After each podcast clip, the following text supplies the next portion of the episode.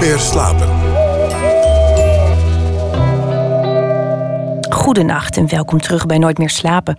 Tot het nieuws van 1 uur praat ik met regisseur Hani Abu Assad. Hij werd geboren in Nazareth in 1961 en hij heeft misschien wel de merkwaardigste achtergrond die je als regisseur kunt hebben. Hij studeerde vliegtuigtechniek. En het was die studie die hem in 1980 naar Nederland bracht. In Israël werd het hem niet toegestaan, dus vertrok hij nog maar een jaar of 18, 19 oud naar het verre en exotische Haarlem. Een droom achterna, grenzen oversteken en niet klakkeloos accepteren dat iemand jou de wet voorschrijft. En misschien zijn dat niet toevallig ook belangrijke thema's in de films die hij later zou gaan maken. Hani Abu Assad behaalde nationaal en internationaal succes met titels als Omar en Paradise Now. Hij werd tweemaal genomineerd voor een Oscar en won onder meer de Golden Globe en het Gouden Kalf. En ik zeg onder meer, want er is een hele rits prijzen, maar dan is het half uur al om. En nu is er The Idol, een film gebaseerd op een waar gebeurd verhaal. De onwaarschijnlijke zegentocht van Mohammed Assaf, een jonge Palestijn die wereldnieuws werd door mee te doen aan Arab Idol en te winnen. Hij gaf een stem aan zijn volk en wat voor stem. Hani Abu Assad, welkom. Dank u voor deze aardige introductie. Fijn dat je er bent in zo'n chaotische week, kan ik me voorstellen, met een nieuwe film net uit. Kun jij je herinneren um, wat het moment was waarop je voor het eerst van Mohammed Assaf hoorde? Ja, ik was in, met uh, de film Omar in Cannes Film Festival. In, uh, in de ik, ik won toen de juryprijs uh, in de competitie van Certain Regard. En meteen daarna ging ik met mijn zus eten in een pizzeria en, en zij vertelde zijn verhaal. Ik heb nooit eerder gehoord van, uh, van hem en ik kijk nooit naar zo'n programma. Zijn verhaal en zijn stem heeft een beetje uh, soort inspiratie gewekt bij mij. En ik realiseerde eigenlijk dat kunst kan mensen echt verenigen. En dat was echt ontroerend om te zien in de pleinen van uh, Palestina, in Nazareth, waar ik ook woonde. Uh, ik was een van de mannen die uh, stond te kijken naar de uitslag en, te en met genieten van zijn stem van de laatste uitzending. En toen we hoorden dat hij, dat hij, dat hij heeft gewonnen, we zaten echt als kinderen te springen. Heb ik nooit, ik doe dat niet. Ik, toen ik de prijs heb gewonnen in Cannes, was gewoon oké. Het is een grote eer trouwens, maar ja, zo wat, weet je. Dan ga je gewoon het podium op, krijg je de prijs en ga je weer weg. Maar ik was heel blij met die uh, winning van uh, Mohammed, omdat het uh, was echt inderdaad een inspiratie. En ik realiseerde dat kunst eigenlijk groter is dan leven. Hij was een hele onwaarschijnlijke winnaar. Een hele onwaarschijnlijke kandidaat ook eigenlijk. Hij heeft heel veel moeite moeten doen om, om mee te kunnen doen. Hij kwam te laat op de auditie. Ehm, geloof ik zelfs omdat hij, hij moest proberen in Egypte te komen om mee te kunnen doen. En dat lukte niet. En dat was hij net te laat. Toen moest hij gaan, gaan zingen. Hij moest echt mensen overtuigen met zijn kunst. En ik, ik, dacht ook, misschien is, is dat ook wat jou zo in hem trof. Dat iemand zich niet laat weerhouden door nou ja, die belemmering.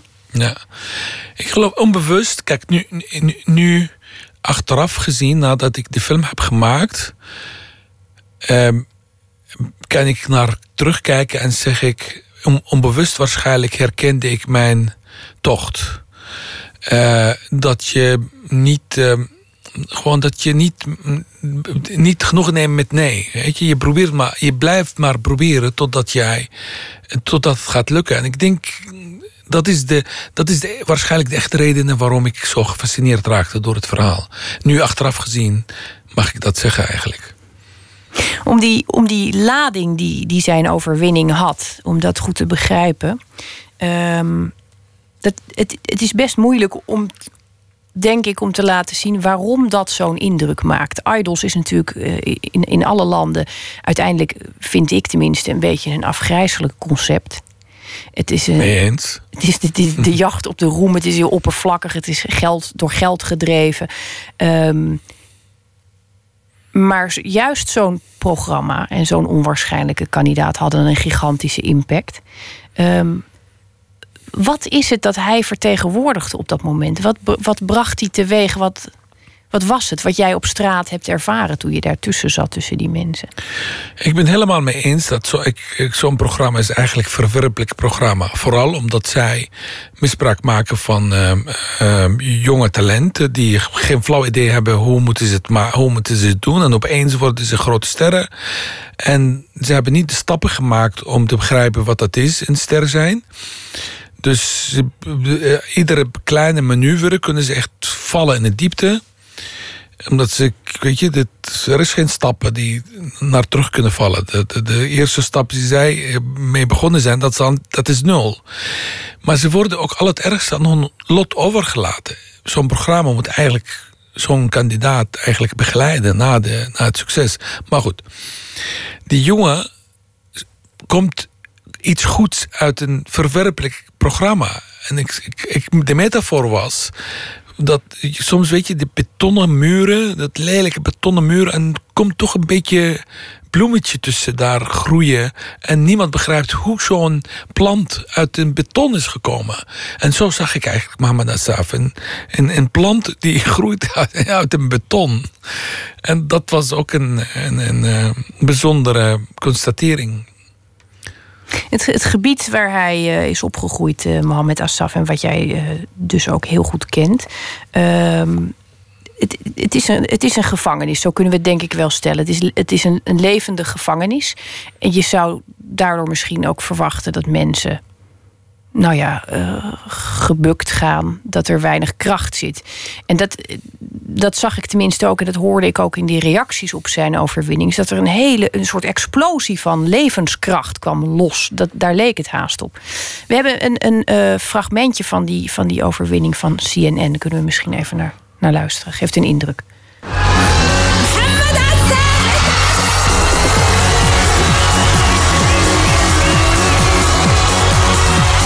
He's given Arabs something to smile about, Palestinians a reason to be proud. When Mohammed Assaf, a 23-year-old from Gaza, was crowned this year's Arab Idol, they went wild in the studio and celebrated in the streets. Look, you see, everybody going crazy. Everybody's happy. Everybody's happy. This is the best thing to happen to Palestine since God knows when. In Ramallah, an eruption of euphoria. They chanted his name, danced in his honor, set off fireworks. I'm very, very happy, says this young girl. I can't wait for him to come here. I'm so excited. I can't believe it. I can't believe it. An outpouring of emotion. In Gaza, it was gridlock. Muhammad's hometown came to a standstill while Palestinians partied. An extremely festive atmosphere for a population unaccustomed to happy endings.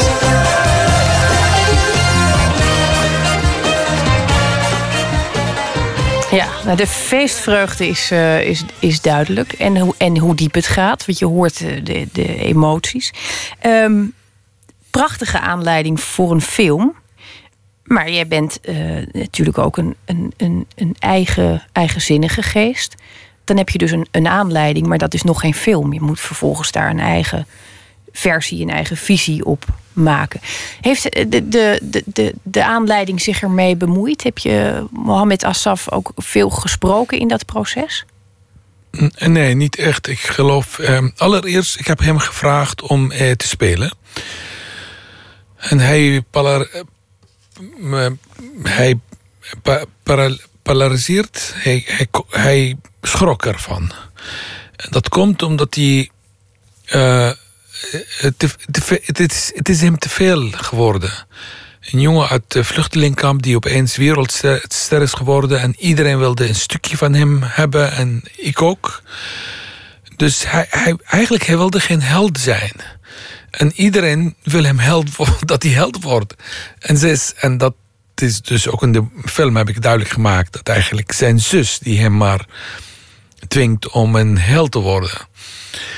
Dus in de werkelijkheid, hij is zo. Hij is iemand die geen held wil zijn. Hij, wil, hij is een wedding singer. Hij, is een, hij, speelt en uh, hij, hij zingt in trouwerijen. Goed, toen ik, hem, toen ik hem heb gevraagd om te spelen, hij was heel bang van. En eigenlijk wilde eigenlijk niet veel mee te maken met de, met de film. Uh, toen ik heb de film gemonteerd, heb ik het aan hem laten zien. En we hebben een aantal scènes wel veranderd. Omdat hij uh, een beetje te gevoelig voor hem was. En ik heb, ik heb dat gerespecteerd.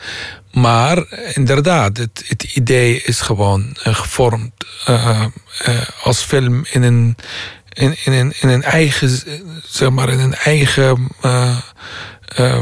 in een eigen vorm, in een eigen, een andere kunst geworden eigenlijk. Het is, het is niet zijn verhaal alleen, het is het verhaal van Gaza. De plek waar iedereen als gevangene is en toch er is een vreugde en er is liefde en er is menselijkheid. Het is een verhaal van, uh, van mij ook, weet je.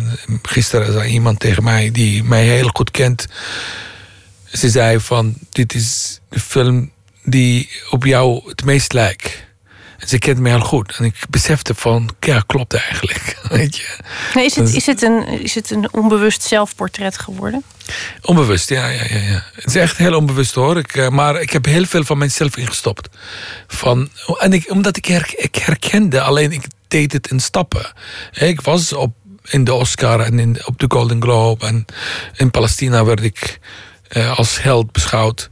Maar natuurlijk, uh, filmregisseur blijft een elitaire uh, held. Weet je, een, een, André Haas is toen hij dood is gegaan. Hè, dat was een, een volksgebeuren. Fons Rademaker heeft een Oscar naar Nederland gehaald. En is, toen hij dood gegaan is, was het een beetje een, bijna een hele besloten. besloten begrafenis. Dus om aan te geven dat dat uh, uh, groot verschil tussen een zanger en een regisseur.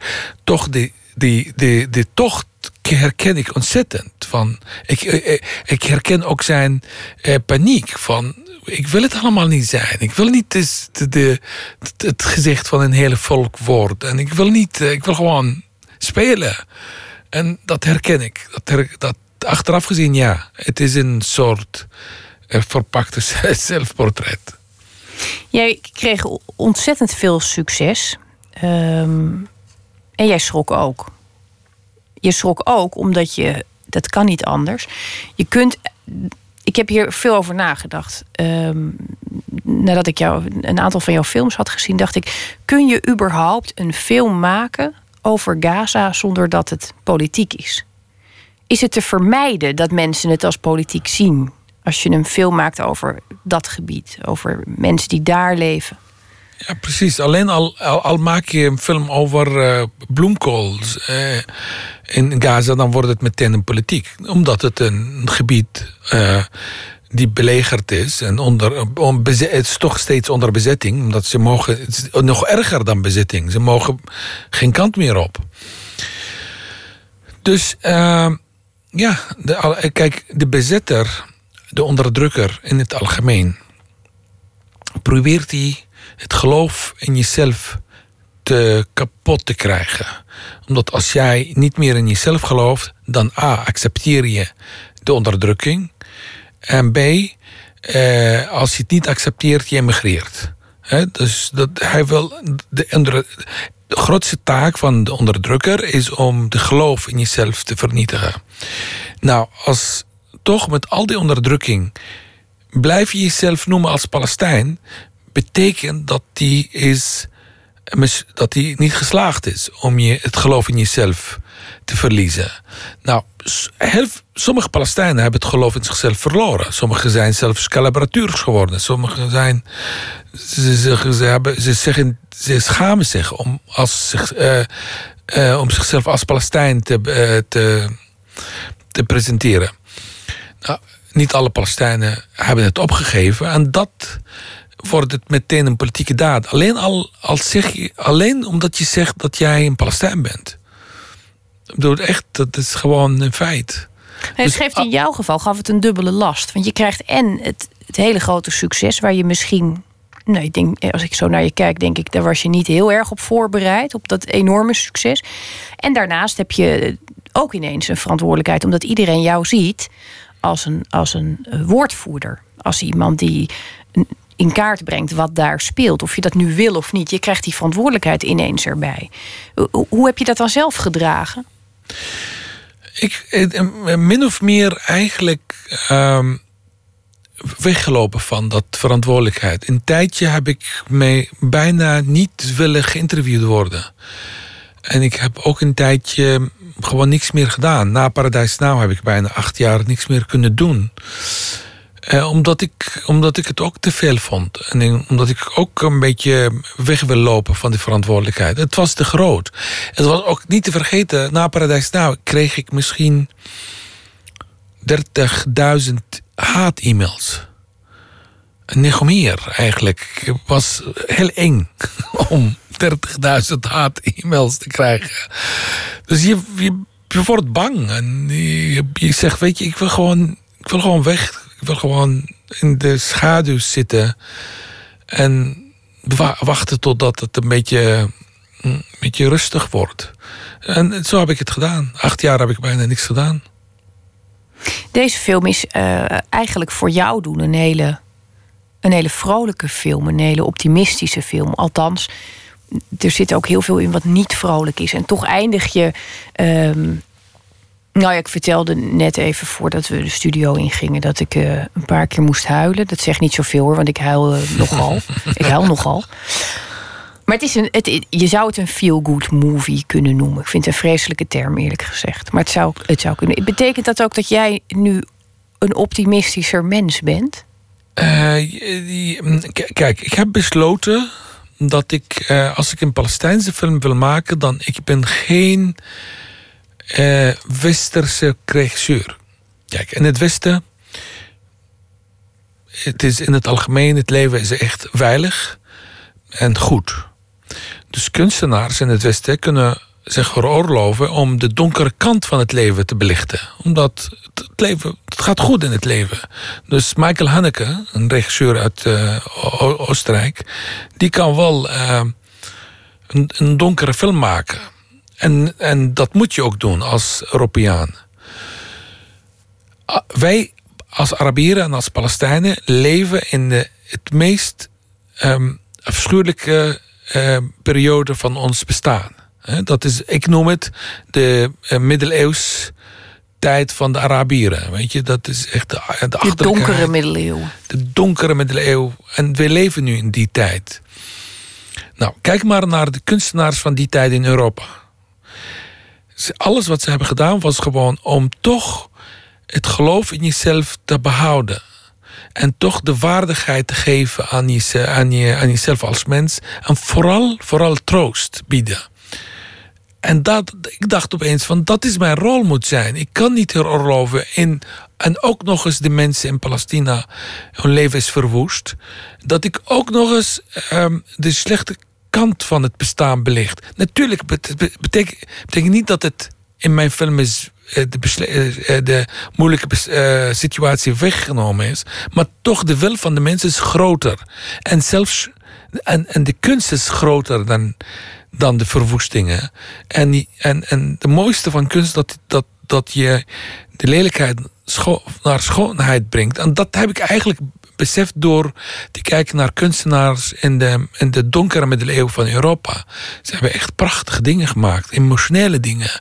De muziek van die tijd was gewoon ongelooflijke optimistisch, uh, niet optimistisch, inspirerend.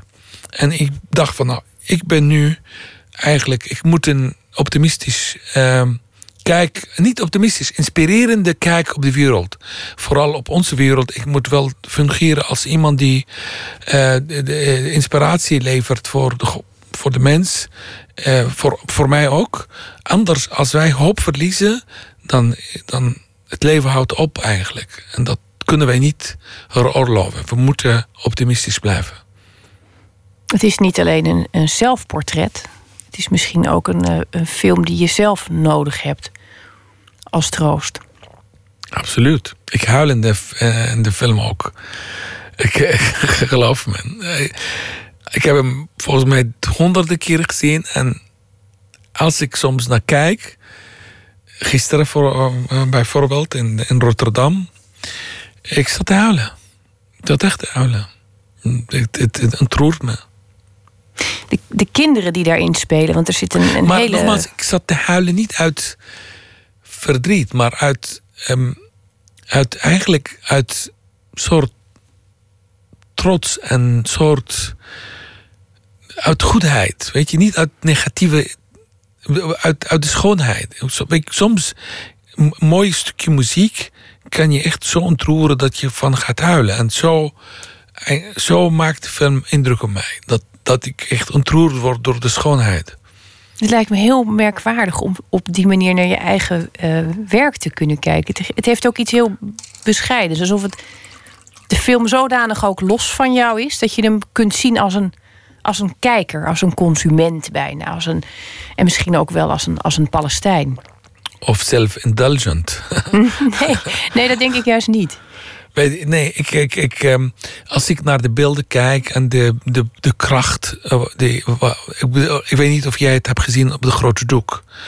Als je het ziet op de grote doek, het is echt beelden zijn schitterend. En ik kan wel, ik bedoel, ik kijk ook naar, andere, eh, eh, naar beelden van andere films die ik heb gemaakt. Ik kan meteen zien dat het niet goed is. Nu, en, en ik bedoel, ik kijk naar Rana's Wedding. Ik kan, ik kan echt niet naar kijken. Het is gewoon verschrikkelijk. Dat is mijn eigen film. Maar met, met die film is het, het raakt me ontzettend. Ik kijk ook naar Omar. Heeft me nooit echt zo aangeraakt. Als, uh, heeft me nooit echt ontroerd als, als de Idol. De Idol ontroert me uit gewoon uit de kracht die de beelden en, en de acteurs en de, de, de, zeg maar de, de, energie, de positieve energie die in de film zit, ondanks al die verwoestingen en al die moeilijke situaties, er is een, er, is een positieve energie eruit komt. Dat is bijna om van, om van te huilen. Nog een keer. Nou, dit, je noemt het nu zelf, ik refereerde er net al even aan. Um, die, kinderen die in de film spelen, die hebben een, een hele grote rol. Het eerste gedeelte van de film gaat eigenlijk over de kindertijd van Mohammed en zijn zusje en zijn vrienden. Ehm, wat mij opviel is toen ik begreep dat jij die kinderen min of meer zo op straat hebt gecast. Die heb je zo daaraan getroffen. Ze hebben een, een, een hele natuurlijke manier van spelen. bijna geen spelen. Het is, het is zo, zo echt. En toen dacht ik, je, je verwacht van die kinderen, want die hebben oorlogen meegemaakt, beschietingen, die, die groeien daarop in die gevangenis, in die beklemming. Je verwacht angstige kinderen. En wat je ziet is, ze geven, ze geven je alles. Ik begreep dat, ik, ik kon dat heel moeilijk begrijpen.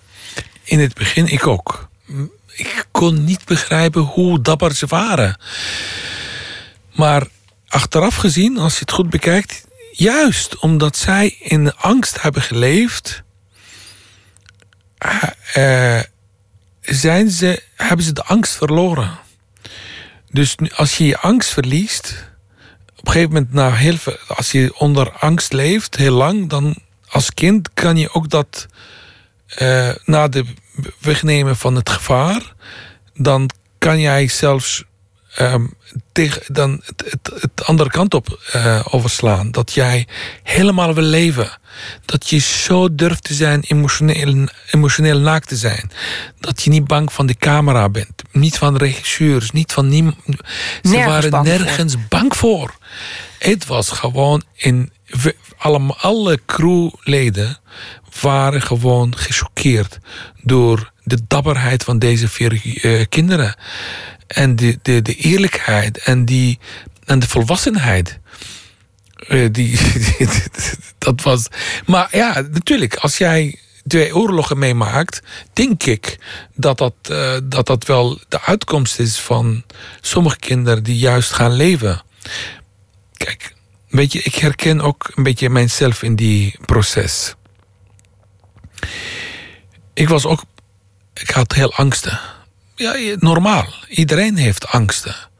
Iedereen is bang. Bang van de toekomst, bang van de vernedering, bang van afwijzingen. Je bent bang. Op het moment dat ik mijn angst heb, deel van mijn angst heb uh, uh, verlaten of, of uh, mee afgerekend, ik heb veel beter kunnen leven ik, heb, ik begon veel beter het leven van het leven te genieten. En dat waren ook de kinderen die genieten van alles. Van elk moment. En dat was mooi om te zien. Dat was echt uh, fascinerend om te zien. Voel jij je nog een. Uh, want je wordt overal nu, dat is altijd, hè, als je heel veel uh, succes hebt als immigrant, dan ben je een Nederlandse Palestijn. Als je uh, slechte dingen doet, ben je gewoon een Palestijn. Nu ben je overal een Nederlands-Palestijnse regisseur genoemd, maar je woont in Hollywood op dit moment. Zie jij jezelf um, na al deze veranderingen, je blik op de wereld is veranderd. Je hebt een rustperiode gehad, nu een film gemaakt die troost moet bieden. Zie je jezelf nog wortelen in Nederland? Ja, um, kijk. Uh, ik, heb, ik, heb, uh, ik heb je net verteld dat ik um, um, wel heb geïnvesteerd in de Nederlandse taal. Ik heb uh, boeken gelezen, ik heb naar heel veel radioprogramma's geluisterd. kranten gelezen, ook geschreven in het Nederlands. Ik heb zelfs een kolom gehad bij de Volkskrant. en nu heb ik het taal verlaten. Ik spreek het niet meer. En dat doet pijn omdat je 25 jaar hebt geïnvesteerd in een taal en nu heb je het verlaten. En dat is net alsof je um, um, een geliefde hebt uh, achtergelaten. Dus ik wil wel weer iets in het Nederlands doen. En ik wil, ik wil eigenlijk eh, het, het verhaal van Willem van Oranje verfilmen. En, uh, en dat, dat is een soort, uh, soort zalf op de, op de pijn. Dat ik gewoon de pijn een beetje verzacht. Doordat ik nog een Nederlandse film kan maken. We hopen, die dat, we, we hopen dat we dat ook met je mee gaan maken. Hani Abu Assad, dank je wel. Op Radio 1, het nieuws van alle kanten.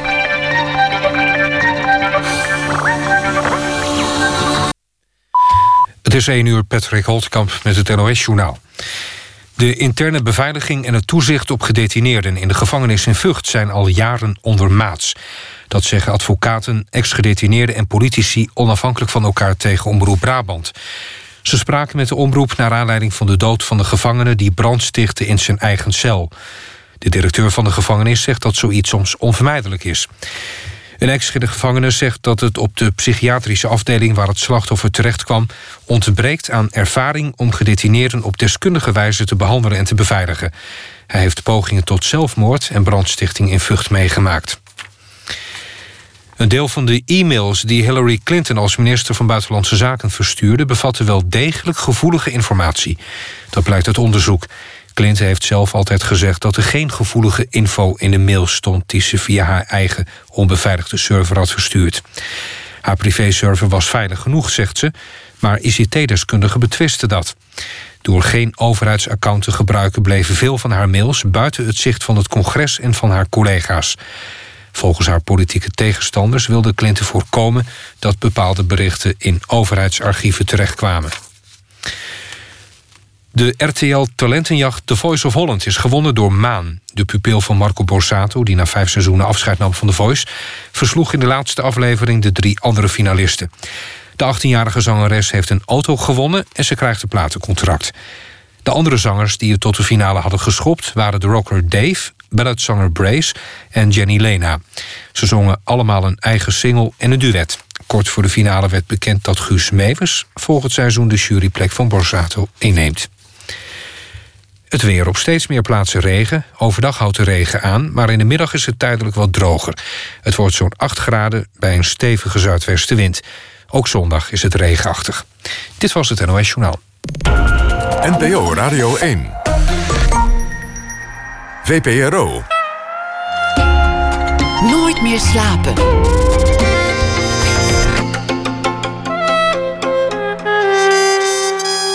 Met Esther Naomi Perquin.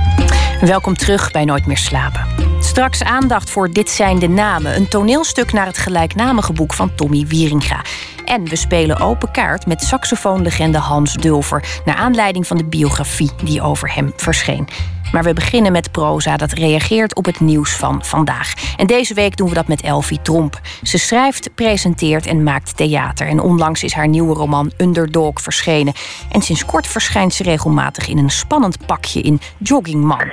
Een interviewprogramma dat op internet te zien is. En dit kan ik trouwens heel warm aanbevelen. Elfie, goedenacht. Goedenacht, Esther. Heb jij vandaag ook hard gelopen eigenlijk? Ehm, nee, nee, nou wel uh, hard gelopen van het filmfestival. Want daar draaide een korte film voor mij. En uh, ik was uh, heel enthousiast dat aan het vieren met enkele biertjes. Oh. Zodat ik besefte dat ik natuurlijk bij jou op de radio moest. Dus ja. ik ben snel teruggelopen naar huis. Nou, het is goed dat je het er even bij zegt. Voor iedereen die zich ernstig zorgen maakt om je dubbele tong straks... kunnen we geruststellen. Dat is een feestelijke aanleiding dus.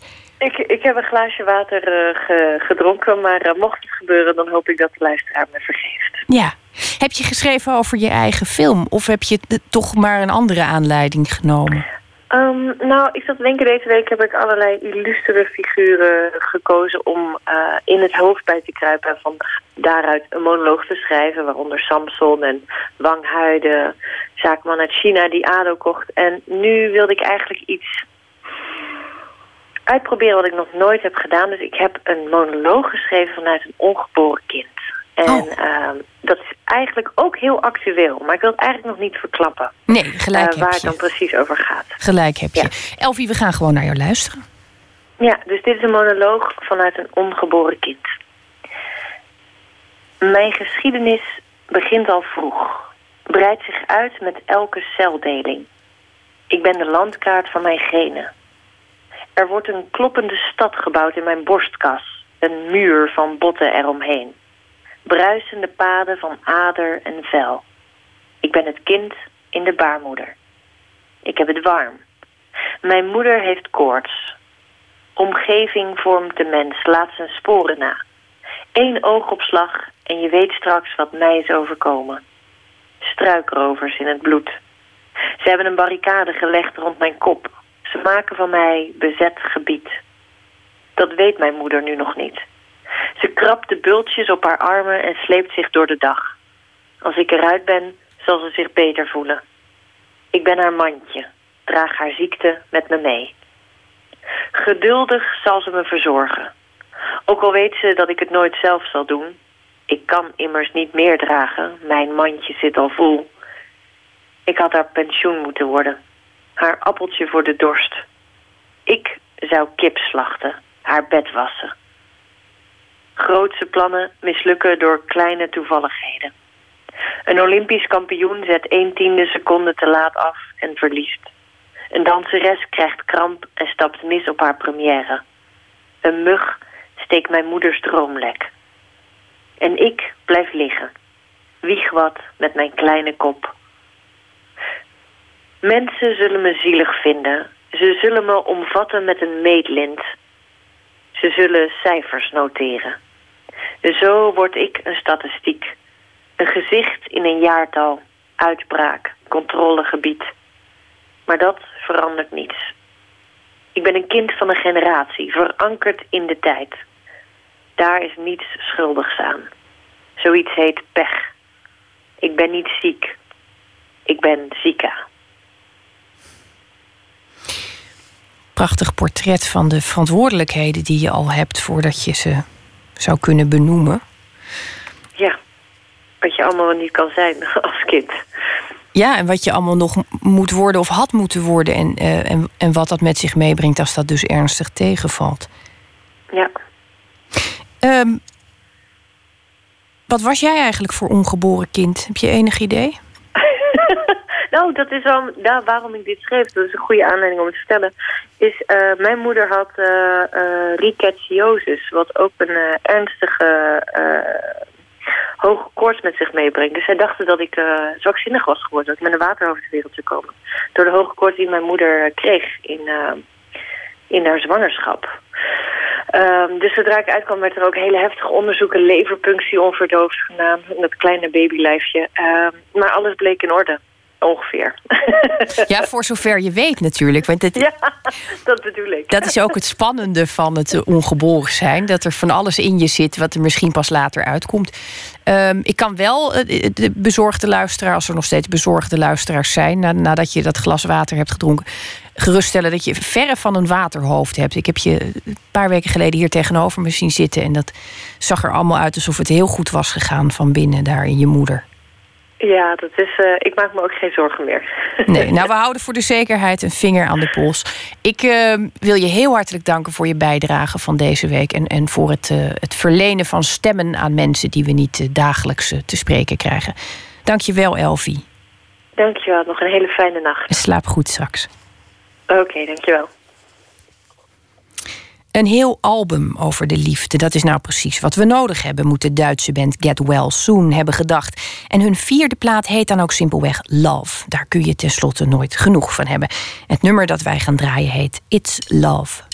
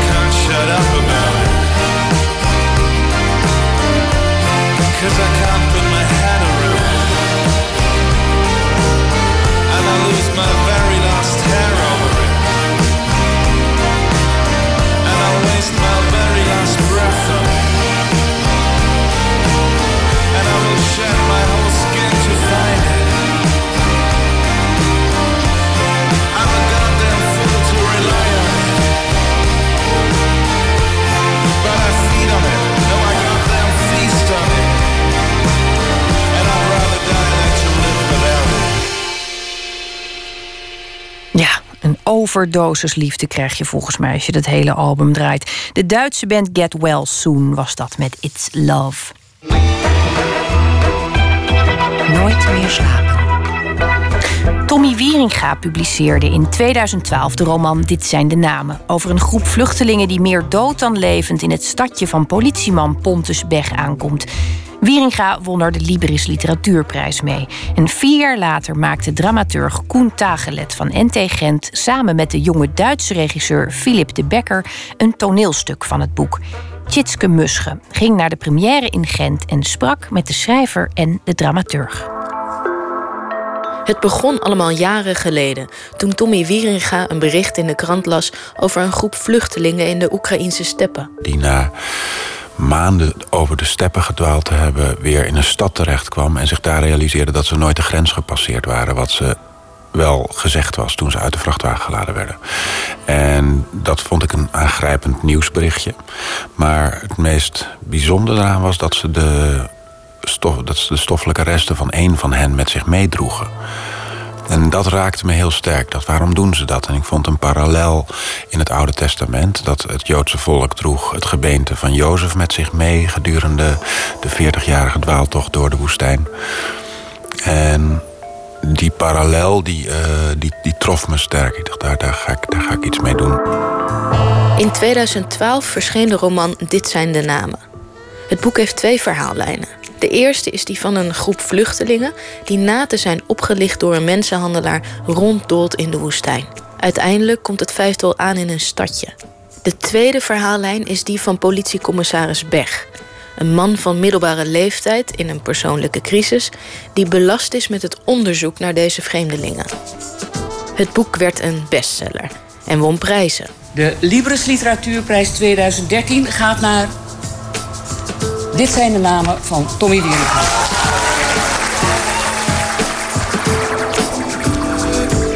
Zo kwam het boek uiteindelijk ook op het nachtkastje van Koen Tachelet terecht. Hij is dramaturg en de rechterhand van regisseur Johan Simons, die nu bij NT Gent zit. Tachelet wist meteen dat hij van Dit zijn de namen een toneelstuk wilde maken. Ik vond toen de ongelooflijke kwaliteit uh, dat um, Tommy Wieringa geprobeerd heeft om echt uh, op een, op een heel spannende manier aan de binnenkant van iets te geraken, wat normaal gesproken heel erg uh, op afstand blijft. We kijken naar televisie en daar, daar, daar zie je tafereelen van vluchtelingen, miserie enzovoort. En je denkt toch, ja, dit staat ver van me af. En ik begrijp het niet echt. En ik vond in dat boek gewoon een heel oprechte poging hè, om daar toch iets van te begrijpen. Door een, uh, een soort spiegelverhaal te vertellen van iemand waar wij, wij, waarmee wij ons als westerse mensen ongelooflijk kunnen identificeren. Diegene die voor de televisie zit te kijken naar die mensen. En aan de andere kant uh, een poging om ook die anderen, die vluchtelingen, dan gewoon een, een soort lichamelijkheid te geven, een stem te geven, een verhaal te geven, een, een diepte te geven. Hè, want dat is natuurlijk wat, wat kunst altijd zou moeten doen. Gewoon diepte geven aan iets wat uh, eigenlijk in het dagelijks leven aan de oppervlakte blijft. En toen dacht ik, ja, dit is ook een heel interessant ding voor het theater. Gewoon om de mensen te laten kijken naar iets wat hen vreemd is. En waar ze toch misschien na afloop het gevoel van krijgen. Ik heb er een andere kijk op gekregen. Of ik heb iets gevoeld wat me misschien kan helpen om in het gewone leven met die vreemdheid om te gaan. Vroeg in de avond kwam een melding binnen. Een vrouw ze huilde. Een groepje zwervers had haar panische angst bezorgd. Het zijn de doden. Het zijn de doden. Klote zwervers. Af en toe een paar afrossen. Meer kunt je niet doen. En zijn het zwervers? Het zijn geen zwervers. Tussen de teksten door zingen de acteurs fragmenten uit Israël en Egypte van Hendel.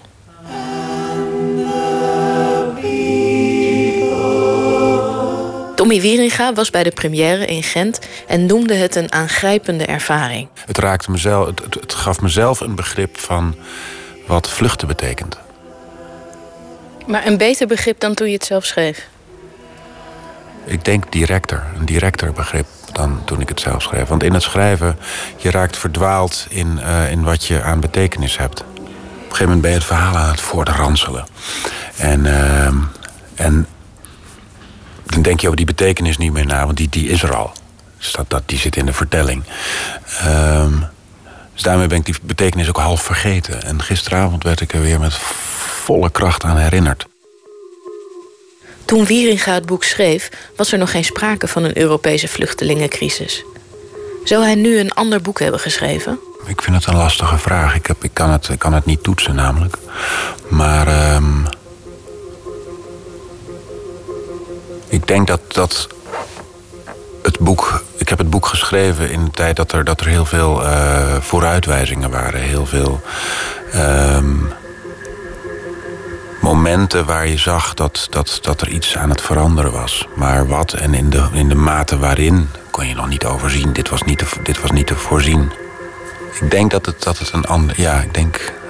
Zo, nu ik er zo over nadenk, dat het een ander boek opgeleverd zou hebben. Als ik het nu geschreven zou hebben. Dus ik heb eigenlijk geluk gehad dat ik het heb kunnen schrijven zonder dat het die enorme urgentie nog had. En dat het pas een, die, die actuele urgentie kreeg later in de tijd. Zodat je niet de werkelijkheid hebt gevolgd, maar de werkelijkheid een beetje het boek heeft gevolgd. Voor Koentasje lag dat anders. Tijdens het maakproces van deze voorstelling zonken één voor één de bootjes met vluchtelingen op zee.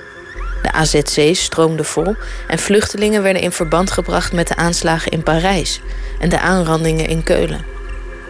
Toch werd er in de repetitieruimte nauwelijks over gepraat. Om verschillende redenen. Uh, omdat natuurlijk wat die werkelijkheid, die, um, die is aan de ene kant natuurlijk is dat een maatschappelijke werkelijkheid. En wordt er, wordt er in uh, uh, een beetje onpersoonlijke taal over gesproken om die problemen te beschrijven. En dan, um, maar als je dan dat verhaal, dat boek, die personages hebt, om daar die werkelijkheid op te leggen, dat is een ongelooflijk cadeau natuurlijk. Hè? Maar het zou niet goed zijn om dat dan helemaal te laten doordringen. Want dan, dat, die bonus die je hebt gewoon, dat het ook over individuele mensen gaat. En niet alleen maar over uh, de ontelbare massa's. En dat, uh, dat vonden wij zo waardevol uh, dat, we dat, dat, dat, dat we dat ook wilden beschermen. In die zin is het een, een, voorstelling of een proces geweest waarbij we ook iets wilden beschermen, omdat we de waarde daarvan heel erg belangrijk vonden. Dus het is gewoon goed van het daarover te hebben en het is ook ongelooflijk goed dat het niet over de islam gaat. Want daardoor kom je niet terecht in een, in een oordelende houding. En het theater moet die vrijplaats bieden om los van in het dagelijks leven moet je heel de tijd kijken. Dan denk je van, goh, die ziet er raar uit. Zou die, zou die wel te vertrouwen zijn enzovoort. En in het theater gewoon hoeft dat niet. Waardoor je misschien net iets dieper kunt doordringen in de dingen. En de volgende keer naar die man die er gevaarlijk uitziet... toch iets anders gaat kijken. Het is nu bijna vier jaar geleden dat het boek uitkwam. En het valt Wieringa op dat de reacties op zijn boek nu anders zijn dan vier jaar geleden. Toen het boek uitkwam, ging het over het verhaal, over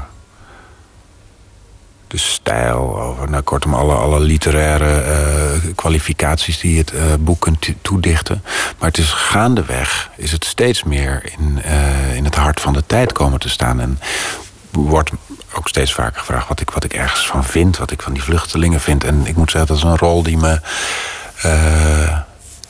die me bevalt. Heb jij als schrijver daar een taak in, vind je? Om, daar, om aan het debat mee te doen? Nou, ik heb, ik heb, nee, ik heb geen taak, maar ik heb nu wel een, een, een functie. Um, dit, dit, dit boek heeft. Uh, dat, ik, ik geniet er wel erg sterk van, moet ik zeggen. Ik vind het leuk om erover na te denken en erover te praten. Wieringa heeft kunnen oefenen in Italië waar zijn boek halverwege 2014 uitkwam en waar toen de vluchtelingencrisis al veel zichtbaarder was dan op dat moment in Nederland. Daar ging het heel sterk over wat dat boek betekent in de moderne tijd. Wat het dus voor de Italianen betekent. De Italianen hebben de, de grote golven van migratie. Ik bedoel, ga maar eens naar het, kijken naar, het, uh, naar de stations bijvoorbeeld. Het station van Milaan. De grote stations die worden overspoeld door, uh, door Syrische vluchtelingen. Het is heel bijzonder om met, met journalisten te praten in Italië. En met, met, met een soort, soort halve paniek. Maar vragen ze je, wat gaan we nu doen? Wat moeten we hier nu aan doen? Omdat je een roman geschreven hebt. Word je gevraagd, wat, wat is met zo'n wereldomspannend probleem, wat gaan we daarmee doen? Ja, daar heb ik natuurlijk geen antwoord op. Dat is ook helemaal niet mijn pretentie geweest. Maar ik heb wel hopelijk iets kunnen laten zien en iets dichterbij kunnen brengen. Dat je het niet als een plaag moet beschouwen, maar moet inzoomen en de individualiteit van ieder moet uh, respecteren. En dat is een, een, een vraag met een heel, heel complexe lading.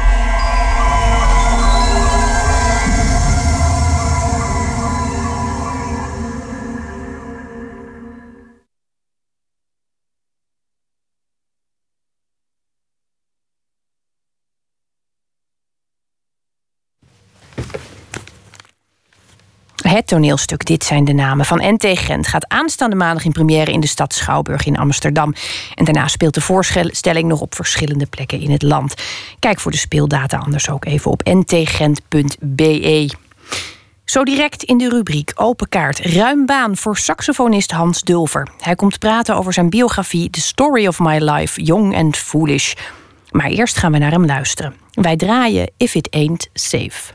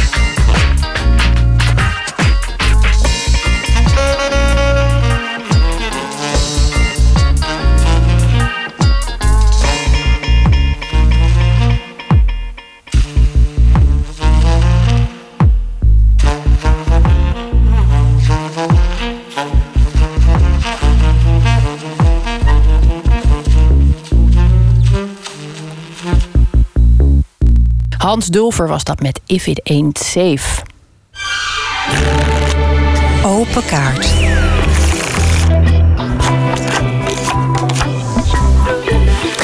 In onze rubriek Open Kaart, u kent het inmiddels, we hebben een gast en die bepaalt zelf welke vragen er worden gesteld. Ik heb hier eh, 150 kaarten met eh, vragen over werk en leven.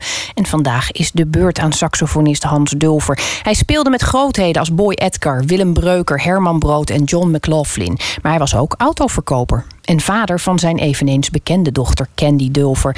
En hij was ook lichtmatroos, zag ik net in het boek. Nou ja, u kunt het allemaal ontdekken en het is eh, prachtig geworden. Het heet The Story of My Life, Young and Foolish, de biografie die Nathalie Lans heeft geschreven over Hans Dulfer. Hans, Bi- biografie is het niet volgens mij. Hè? is het geen biografie? Het is een, eh, een fotoboek. Het is zelfs een koffietafelboek, vond ik ook. Dat woord had ik nog nooit eerder in mijn leven gehoord, moet ik je eerlijk zeggen. Tot dit op tafel lag. Toen dit op tafel lag. En toen dacht ik, ja, dat ligt zo. En dan doe je dat zo open. Toen dacht ik meteen van, ja, maar zo'n mooi boek. Mensen die net patat gegeten hebben of zo. Of dan zitten met een vieze, vette vingers aan mijn mooie boek. Of koffie hebben ze gedronken. En dan zit nog wat op hun lip zo of wat anders. En daar wil ik niks mee te maken hebben. Maar ik had ook nog nooit van het woord gehoord, eerlijk gezegd. Nou, het is toch ook wel een biografie. Het gaat over je jeugd. Het gaat zelfs over dingen die ik helemaal nog nooit had gehoord, die je gedaan hebt. Het volgt je, je levensverhaal eigenlijk tot, tot nu, zo ongeveer. Ja. Dan heb je dus ineens je hele eigen persoonlijke, op maat gemaakte geschiedenisboek op tafel liggen. Nee, dat heb ik in mijn hoofd. Kijk, het is een beetje vervelend. Ik, eh, ik heb nog veel gedaan in mijn leven. En ja, lees dan zo'n boek. En dan zie je dat een, bijvoorbeeld het jaar 1968 bijvoorbeeld twee of drie pagina's bevat. En in die twee en drie pagina's wordt iets beschreven wat ik deed. Uitspraken die ik deed, ruzie maken wat ik deed. En twee optredens staan erover. Maar dan moet je niet denken dat het alles was wat ik deed. Ik speelde toen de tijd nu nog eigenlijk 250 keer per jaar. Dus dan heb jij maar twee optredens daarvan. Heb je iets over gelezen? In het echt had het boek dus eigenlijk, als we het Lou de Jong die heeft eh, voor de Tweede Wereldoorlog ik, 17 eh, boeken gemaakt. Ik denk dat ik er wel 25 kan maken. Ik denk dat je dat inderdaad nodig zou hebben. Vijf, Ja. Een boek of 25. Op deze manier wel gewoon. Want het lijkt nu. eh, Kijk, ik heb je net verteld dat ik het nog niet gelezen heb. Ik wil het geloof ik ook niet lezen. Want als ik lees een bepaald stuk waarvan jij zegt van dat is heel interessant wat daar staat, heb je dat gedaan enzovoort. Dan denk ik, ja, dat heb ik gedaan, maar ehm, dat sloeg eigenlijk nergens op wat ik deed toen. Weet je, er heeft iemand, eh, Nathalie Lans, die heeft beschikking gekregen over mijn archief. En dan moet je niet denken dat ik een archief heb, zo helemaal met eh, keurige mappen, hangmappen en alles waar iets in staat. Nee, nee, nee, nee, nee. Ik heb al mijn ordners genomen en als mijn naam genoemd werd en als het positief was, dan maakte ik de twee gaatjes in de krantenknips en dan deed ik in die ordner en dan deed ik het zo dicht en dan keek ik verder nooit meer naar.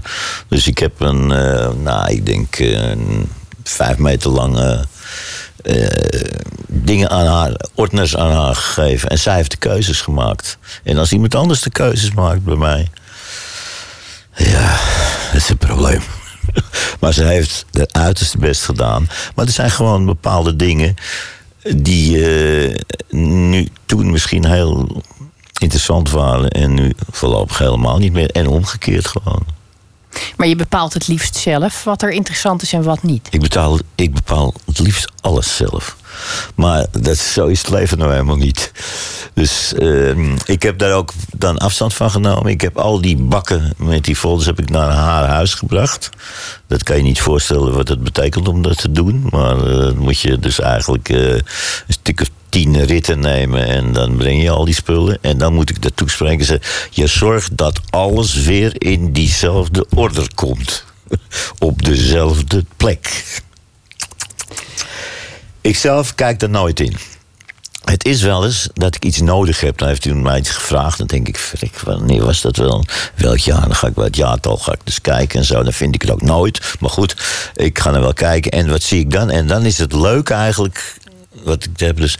Dan zie ik plotseling de achterkant van het krantenknipsel wat ik uitgeknipt heb. En op de achterkant staan zulke fantastische dingen. Die passen precies in wat gebeurde op de voorkant van de krant. Dus kijk op de achterkant gewoon. En dan weet je wat mijn verhaal is aan de voorkant. En ja, dat is een uh, heel moeite om dat te doen gewoon. Ik, uh, ik zat zelf laatste keer iets te zoeken, ook geloof ik, over 1961 of zo. En nou, ik vond het uiteindelijk. Kijk, op de achterkant staat het. De KVP-jongeren. Weet je wat de KVP is? Nee. Was? Nee? Niet eens. Nou, het CDA is ontstaan uit de KVP. Een paar christelijke boeven en allemaal bij elkaar. Dat is het CDA. Maar de hoofdpersonen waren van de KVP, de Katholieke Volkspartij. Ach. Nou, dat klinkt reactionair, of niet? Ja, redelijk, Vreselijk. ja. Oké. En toen las ik dat de jongerenvereniging van de KVP... die had voorgesteld om alle drugs vrij te stellen. Vrij verkrijgbaar. Echt Van de KVP. Stel je voor dat je dat nu bij het CDA zou aanbrengen. En misschien had hij zelf wat gebruikt op het moment dat hij dat zei. Nee, nee, nee. Het was, dat, dat was gewoon een, een, het plan in eh, wat de KVP had. De jongere afdeling van de KVP had ingediend bij de oudere afdeling van de KVP. Ongelooflijk interessant. Je zag ook bijvoorbeeld ehm, de zeeschepen waar die waren in die tijd. Dus dan zat de boot, de Neeltje Jacoba, die zat ergens in eh, Bristol, Engeland of Harwich of weet ik wat allemaal. Dat hielden ze allemaal bij. En dat is eigenlijk veel interessanter als je nu naar die vreselijke pagina's kijkt met de dalende cijfertjes allemaal van, eh, van de markt hoe die gaat en zo. Vind ik tenminste.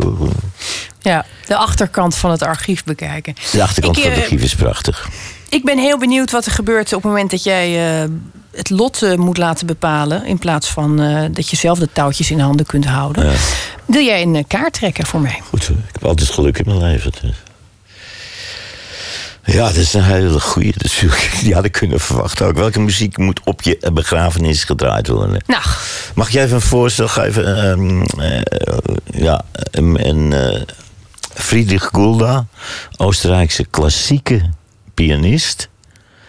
Die ook eh, verstand had van jazz en ook jazz kon spelen. Namelijk ook echt goed gewoon. En die man die heeft het volgende gedaan. Die heeft op een gegeven moment heeft die, eh, via zijn manager iets dat hij was overleden. En eh, dat hij daar en daar begraven zou worden. Dus iedereen, nou, meneer Koelda is dood. Die ging daar naartoe, naar die begraafplaats. En er werd eh, muziek gedraaid ook en alles en zo. En eh, nou, dat is prachtig. Alleen het vervelende was, Gulda was dus niet dood. Die was, eh, stond op een heuvel, op een afstand van zijn begraven, begraafplaats. En die heeft alleen naderhand de muziek een ietsje veranderd. Maar voor de rest vond hij het helemaal wel oké eigenlijk. Dus ja, zo denk ik ook een beetje gewoon. En ik vraag me ook af of er nou wel muziek gedraaid moet worden. Ik word zelf, vanwege mijn leeftijd ook, word ik vaak gevraagd... is iemand overleden, is iemand dood... En dan vraagt ze, oh, zo zou je zo graag niet, zo hield zoveel van u en iets willen spelen of zo. En dan ben ik altijd zo emotioneel, al heeft het helemaal niets met mij te maken. Dan sta ik als eerste te janken met mijn saxofoon in mijn hand. Want ik vind het vreselijk, dat soort dingen gewoon. Daarover moet nadenken. Dus ik bedoel, dat, eh, welke muziek moet op je grafenis gedraaid worden, dat kan ik wel zeggen. Maar het draait, komt er toch op neer dat mijn dochter eh, de boel in de hand neemt.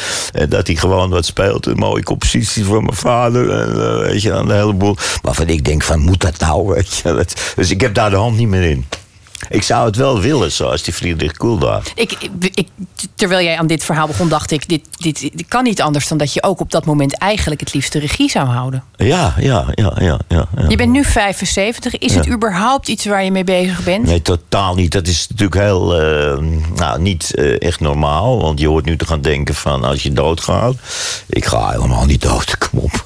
Weet je, dus het voor. Ik zie ze wel, kijk eh, alle overlands eh, dingen na. En dan zie je dus, mijn leeftijd zit in de gevarenzone. Zitten gewoon. Maar ja, ik zie er ook die er veel langer over doen. En ik zie er ook eh, mensen die, die niet ouder worden dan 25.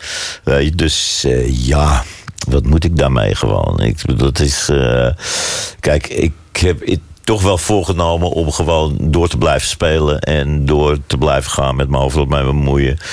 Tot het op een gegeven moment afgelopen is. Dat je nou de klap krijgt of zo. Of wat anders. eh, dus ik, bedoel, ik maak me daar geen zorgen over. Ik heb ook een keer de kanker gehad. Ik heb prostaatkanker gehad. En ik wist van tevoren, nou dat komt wel goed. Dat kwam ook goed.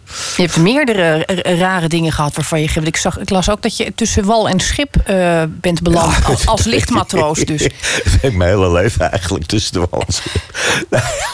Ja, maar dat is zo'n verhaal. Dat is, het is heel lang geleden allemaal. En eh, toen was ik, had ik een soort vakantiebaan als eh, lichtmatroos. En eh, dan gingen we op een coaster, een coaster. En die coaster, dat was van een Groningse maatschappij. Dus hele zuinige mensen waren dat allemaal. En die coaster voer alleen maar op en neer tussen Schotland en Rouen in Frankrijk aan de Seine. En die vervoerde whisky van Schotland naar Rouen. Dus als die boot dus terugkwam uit Schotland, dan eh, stonden de havenarbeiders al. "Ah, ja, ja, ja." Maar dat moest die boot die moest altijd keren gewoon. En dan zetten ze mij voor op de voorplicht met een fikstuk touw in. En dan eh, die boot ging dus eh, niet met sleepboot of zo, want die coasters waren hele kleine bootjes. Die gingen met zijn punt naar de kant en stuurde zo een beetje. En dan begon de boot te draaien. Dus gewoon. En dan, nou, en dan sprong ik op de kant. En dan legde ik de touw vast om een of ander ding eh, heen. En dan kon die boot langzaam gaan. Maar op een gegeven moment sprong ik en ik, het was glad. En ik viel dus precies tussen die boot en de haven en de, de kade van de haven in. Bam, zo in het water gewoon. En op hetzelfde moment dat ik beneden in, die, eh, in het water lag en naar boven probeerde te komen, botste die boot dat was gewoon keihard tegen die havenmuur aan. Dus als ik iets eerder was omhoog gekomen, had ik hier nou niet gezeten. Dus eh, ja. eh, Ik ben blij dat je er wel zit. Ehm, trek nog een kaart. Ja, ja. Ben je wel eens in therapie geweest? Nee, eerlijk gezegd, dat kan ik bewust antwoorden. Want eh, ik laat me niet, eh, niet iets op mijn mouw spelden of zo. Ik heb wel eens met die mensen hoor, die het geprobeerd hebben met mij. Maar die bekeerde ik langzamerhand tot mijn gedachten. En niet zij mij tot hun gedachten. Wa- waren er wel eens mensen die vonden dat je in therapie moest? Want je dochter schrijft, en dat vond ik een hele ontroerende zin. Mijn vaders vermogen om met iedereen te kunnen communiceren Ja. en ruzie te maken. Ja, ja, dat is tegelijk.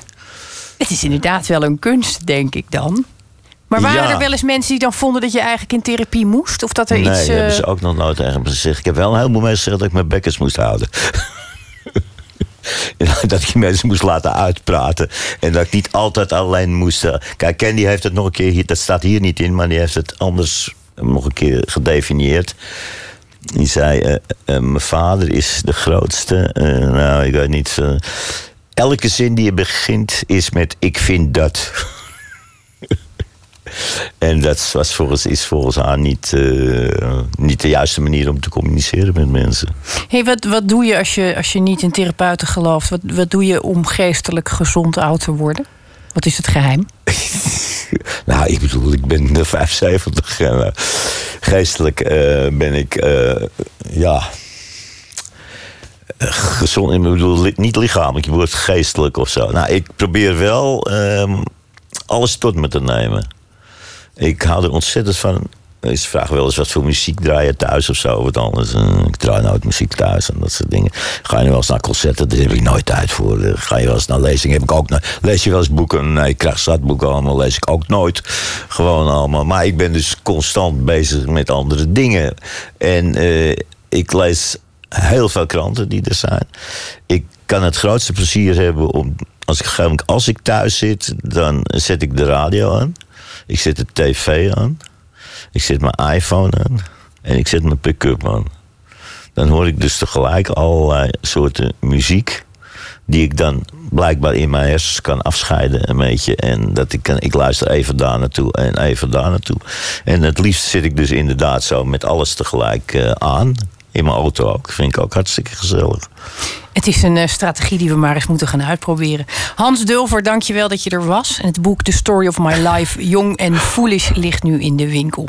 En de boektour brengt Hans Dulver morgen naar de Cotton Club in Amsterdam. En dan in februari naar Woerden, Amsterdam, Burgum, Leiden, Helmond. Nou ja, u kunt het zo gek niet bedenken. Hij komt er. Ja. Heel fijn dat je er was. Graag gedaan.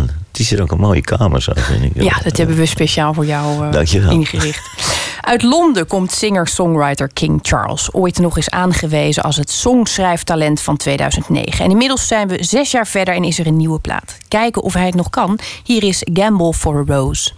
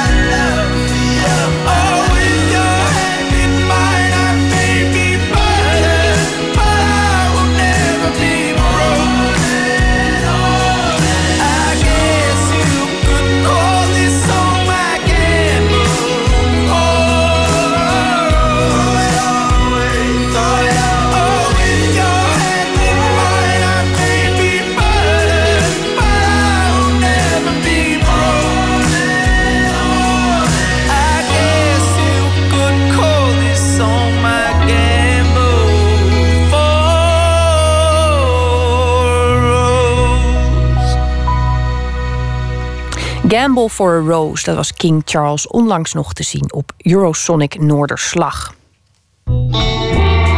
Nooit meer slapen.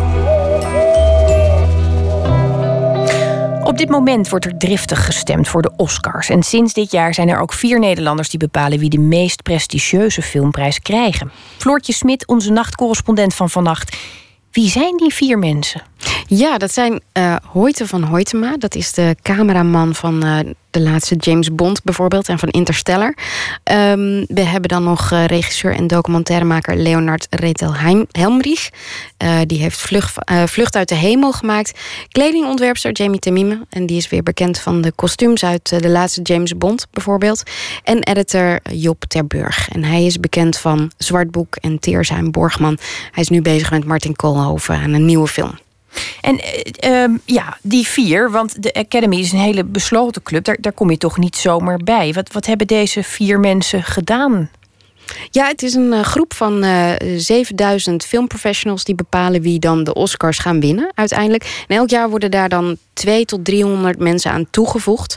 En dat gaat via een heel proces. Het is inderdaad een besloten club. Dus je mag alleen mee, of je, je, je wordt voorgedragen door twee mensen die al lid zijn is echt zo'n club.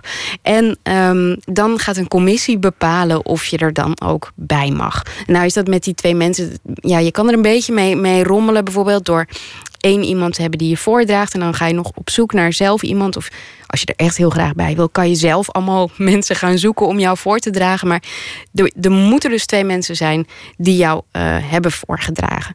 En um, nou ja, ik sprak Job de Burg dus. En uh, die vond het in ieder geval een hele eer. Nou, het is sowieso heel leuk als je gevraagd wordt voor een van de meest prestigieuze clubs ter wereld natuurlijk. Dat is gewoon, uh, dit is een elite clubje, dus dat is heel, heel erg leuk als ze zeggen van volgens ons hoor je daarbij. Ik had daar zelf nooit zo aan gedacht dat dat een mogelijkheid was. Uh, maar een bevriende collega zei, is dat niet iets voor jou? En, uh, en laat maar weten wat ik daar dan voor kan doen. Nou, dat is, dat, is heel erg leuk, vooral ook omdat ik die collega enorm serieus neem. Dus ik vind dat nogal wat dat hij dan zegt, vind jou goed genoeg om daarbij te komen. Tuurlijk, dat is een soort het is een soort prijsje wat je wint of zo. Dus een aai over je bol. Ja, een aai over je bol. En dan ben je lid. En, um, en wat, wat komt er dan? Ja, dan, dan mag je dus stemmen voor de Oscars. En dat is nog best wel een beetje lastig. Want daarvoor moet je echt ontzettend uh, veel films zien. En ja, op tijd, dus binnen een bepaalde periode. En uh, hoe lang is die periode? Hoe, hoeveel tijd gaat daar, staat daarvoor? Nou, wat ze gaan doen is... Kijk, de, de, de filmmaatschappij die de films uitbrengen... die um, gaan zorgen dat jij die films ook te zien krijgt. Dus in, uh, in, die, uh, in die hele periode daarvoor, als mensen denken van nou, mijn film maakt wel kans op een Oscar, moet je een beetje goed timen. En dan uh, zorg je dat, dat die Academy-leden die films zien. En in de Verenigde Staten is dat vrij makkelijk, want die films draaien al eerder in de bioscoop dan in Nederland bijvoorbeeld. En er worden speciale screenings georganiseerd in New York en in Los Angeles. Maar die zijn dus niet in Nederland. Dus ik vroeg ook aan Job hoe die dat dan doet vanaf het moment dat ik uh, gevraagd was om in die Academy te komen, publiceren ze dan een lijst met namen. Dat was ook het eerste moment dat ik wist dat ik er dan bij zat. Dat was gewoon het moment dat het publiek werd, zeg maar. Dan stond het gewoon. Dat werd, stond in de krant, zeg maar. En vanaf dat moment kwamen er allerlei uh, mails met verzoek om uh, je, je lidmaatschapsnummer van de Academy en je adresgegevens door te sturen. Want dan sturen ze je elk jaar screeners op, dus dvd's, blu-rays wat ook. Dus, ja, dus zeg maar vanaf midden november of zo stond hier elke dag uh, de, de, de, de, diverse posterijen kwamen met zakjes met, uh, met discs erin, zeg maar. En dat stapelt zich dan op en daar probeer, dan probeer je dan een weg doorheen te slaan. Ja, het is een, een hele hoop werk dus. Um, hoe, hoe bevalt dat eigenlijk allemaal? Ja, ik, ik, vroeg hem vooral of, of het meeviel om al die films ook daadwerkelijk te zien. Nou nee, ik vond het nog heel erg ingewikkeld. Ik moet je zeggen dat ik het ook een beetje, uh, dat ik ook een beetje moest kijken van hoe, hoe pak je dat dan aan. Want er was wel echt heel erg veel dat binnenkwam. En het was ook zo dat ik een paar titels waarvan ik wist dat ze zo links en rechts opdoken in de Hollywood Reporter en Variety en dat soort bladen als uh, kanshebbers, een montage-Oscar kans, uh, kanshebber zou zijn. Daar waren een paar van die ik niet heb gekregen, dus die heb ik niet gezien. Dus ik moet heel eerlijk zeggen dat ik deze, deze keer in de voorronde, want ik mag in de voorronde dus alleen maar stemmen voor beste montage en voor beste film. En ik heb in de voorronde dit jaar niet gestemd, omdat ik vond dat ik er tenminste twee niet had gezien waar, waarvan ik vond dat ze in aanmerking hadden moeten komen. Ja, je moet dus ook nog heel secuur zijn in die dingen. En uh, die genomineerden die uit de voorronde kwamen, daar, daar is dit jaar bijvoorbeeld ook alweer uh, ophef over. Er zijn geen Afro-Amerikanen genomineerd onder de acteurs. Um, ja, je doet het niet gauw goed, lijkt me. Dus dat is een heel complex proces. Ja, het is heel lastig. En ze zeggen ook dat het dus de schuld is van de Academy. Hè, dat er dit jaar helemaal geen, geen Afro-Amerikanen genomineerd zijn. Want die zouden dan blank zijn en oud. En dat is, het klopt ook. Het is ook een klacht die al sinds 2012 al uh, te horen was. En uh, ze zijn ook de hele tijd bezig om te proberen om die Academy steeds diverser te maken. En um, ja, weet je, het is ook gewoon zo. Ik had het er ook over met, uh, met Job ter Burg. Ik zei, hij zei ja, kijk, als je films hebt die allemaal geëdit zijn door mannen van 45, of het merendeel daarvan, blanke mannen van 45, ja, dan zit je ook een beetje vast aan die categorie mannen van 45 die dan daadwerkelijk ook genomineerd worden. Hoe, hoe, breek je daar dan uit? Want er zijn toch ook wel uh, uh, echt mensen over het hoofd gezien. Ja, dat is wel waar. Kijk, bijvoorbeeld Idris Elba, dat is een van de mannen die genoemd wordt als, als iemand die echt wel een Oscar-nominatie had verdiend. Um, die speelde in Beast of No Nation. Maar dat is ook weer. Het is ook een Netflix-film. En dat hele dat, dat Hollywood-bolwerk, dat is veel behoudender. En die heeft die nieuwe speler Netflix. Dus die vinden dat al heel moeilijk dat daar een nieuw iemand op die, uh, op die markt komt. Dus weet je, dat speelt ook mee bij zo'n zo'n stemronde. Straight Outta Compton is ook zo'n film die, uh, die over het hoofd gezien zou zijn. Maar daar wordt best wel veel in gevloekt. Ja, daar zijn ze in Amerika gewoon ook niet zo heel dol op. Dus dat soort dingen kunnen ook echt wel meespelen bij zo'n bij zo'n snup of bij zo'n dat mensen over het hoofd zijn gezien. Nou, laten we hopen dat onze vier Nederlanders daar in ieder geval enorm veel uh, goed werk gaan doen door dat een beetje bij te werken. Heb jij uh, Job nog uh, geprobeerd te ontfutselen wat hij eigenlijk gaat stemmen? Ja, natuurlijk. En toen zei hij dit. Nou, ik ben er nog niet helemaal uit, maar ik, ben, ik, ik ben uh, I'm closing in, zeg maar. Ik kom steeds dichterbij wat ik denk dat, uh, dat het moet zijn.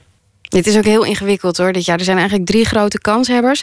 Spotlight en The Revenant die, die zijn eigenlijk de allergrootste. Maar The Big Short heeft dan afgelopen week weer een, een prijs gewonnen van de producenten. En ja, dan gaat dat ook weer meten en zo. Het is een heel groot spel. Ik vind het heerlijk, Oscar-tijd. Nou, ik kan het aan je zien, ja. Ik uh, ben heel benieuwd hoe dit afloopt. 28 februari, dan worden die uh, prestigieuze filmprijzen dus uitgereikt... en dan weten we vast meer. En uh, dan gaan we verder praten. Floortje Smit, dank je wel. Graag gedaan. En we sluiten deze aflevering af met een dichter die een favoriet gedicht voordraagt. En deze week is dat de keuze van dichter en vertaler Jan Baken. Hij debuteerde in 97 met de bundel Nooit zonder de paarden en onlangs verscheen zijn nieuwste bundel Seizoensroddel. Vandaag leest hij een eigen gedicht voor, opgeschreven.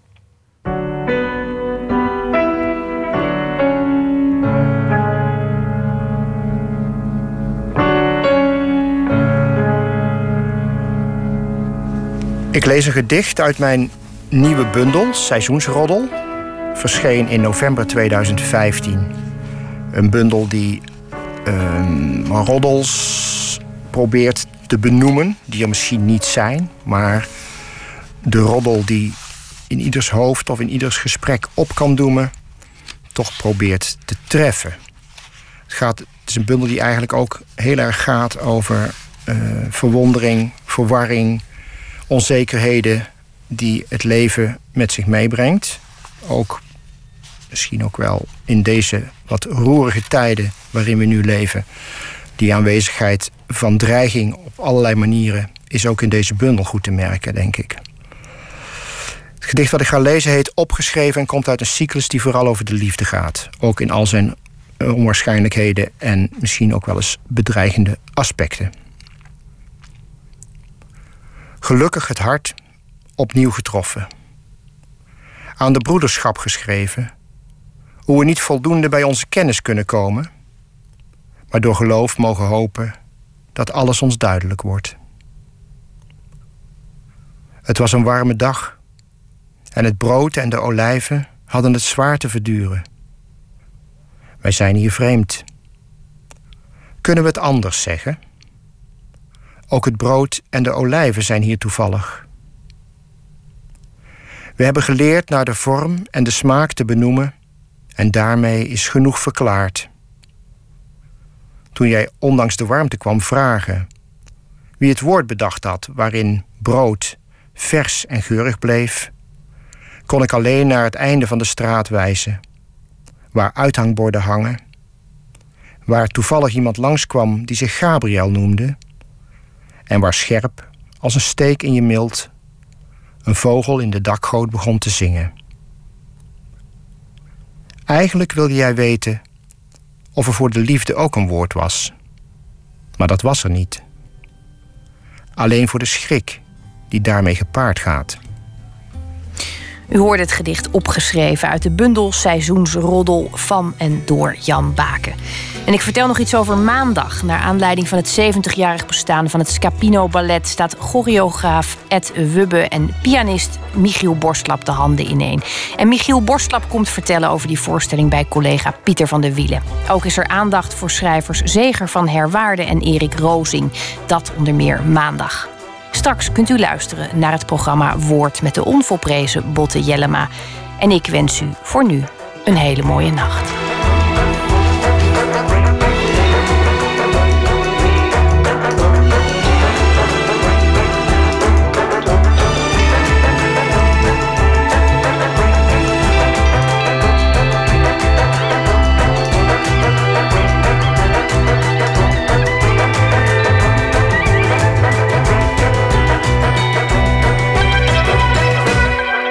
Radio 1, het nieuws van alle kanten.